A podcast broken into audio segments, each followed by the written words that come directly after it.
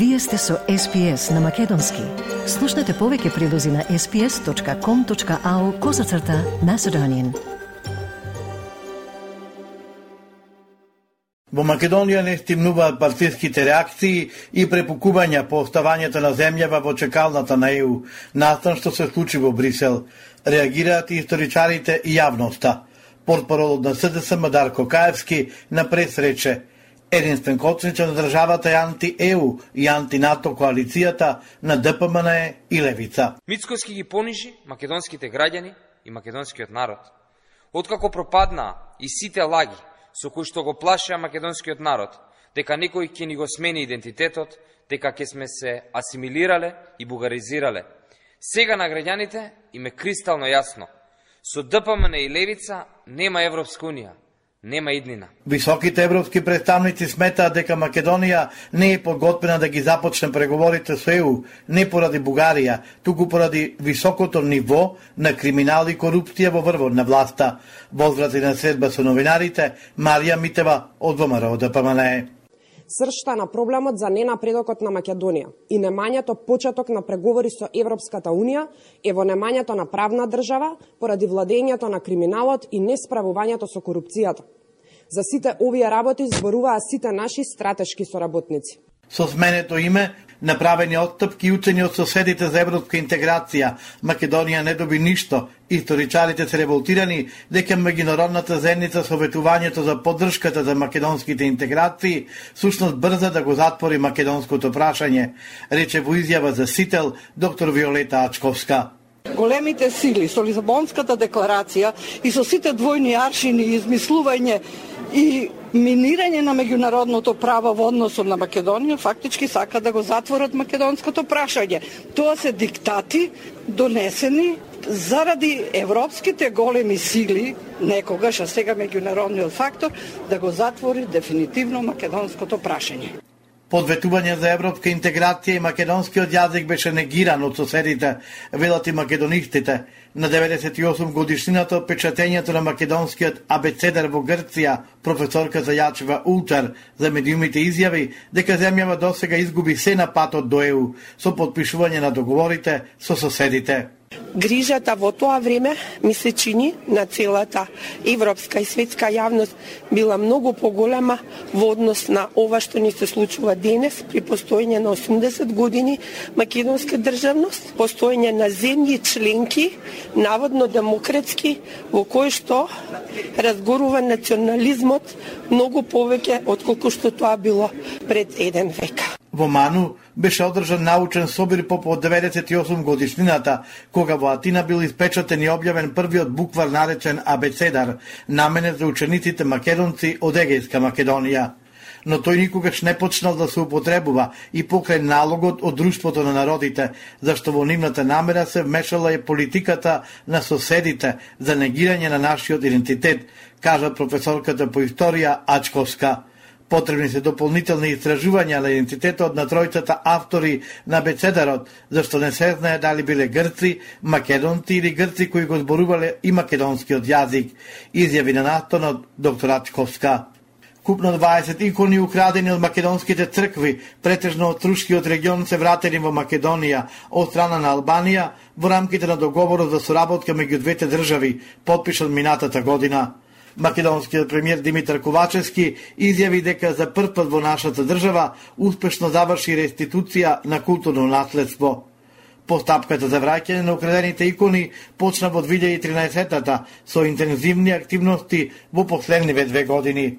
Во периодот од 2009 до 2013 година имаше силен бран на насилно влегување во црквите, особено во западна и југозападна Македонија, при што се однесоа стотици икони. Само на подрачето на оделението за внатрешни работи Струга, како што информира за МИА, портпароло Стефан Димовски, имало 22 пријави за кражба и тешка кражба на икони од цркви. Три пријави за кривични дела, тешка кражба во цркви во Струшко, Поред него имало и во 2017-та. Во останатите години пријавени се кражби од цркви со земање пари и друг црковен прибор, изјави Димовски за Мија. Незаконски оземените икони од македонските цркви случајно ги забележале македонски експерти во 2013-та на прилог со премиерот Еди Рама на албанската телевизија.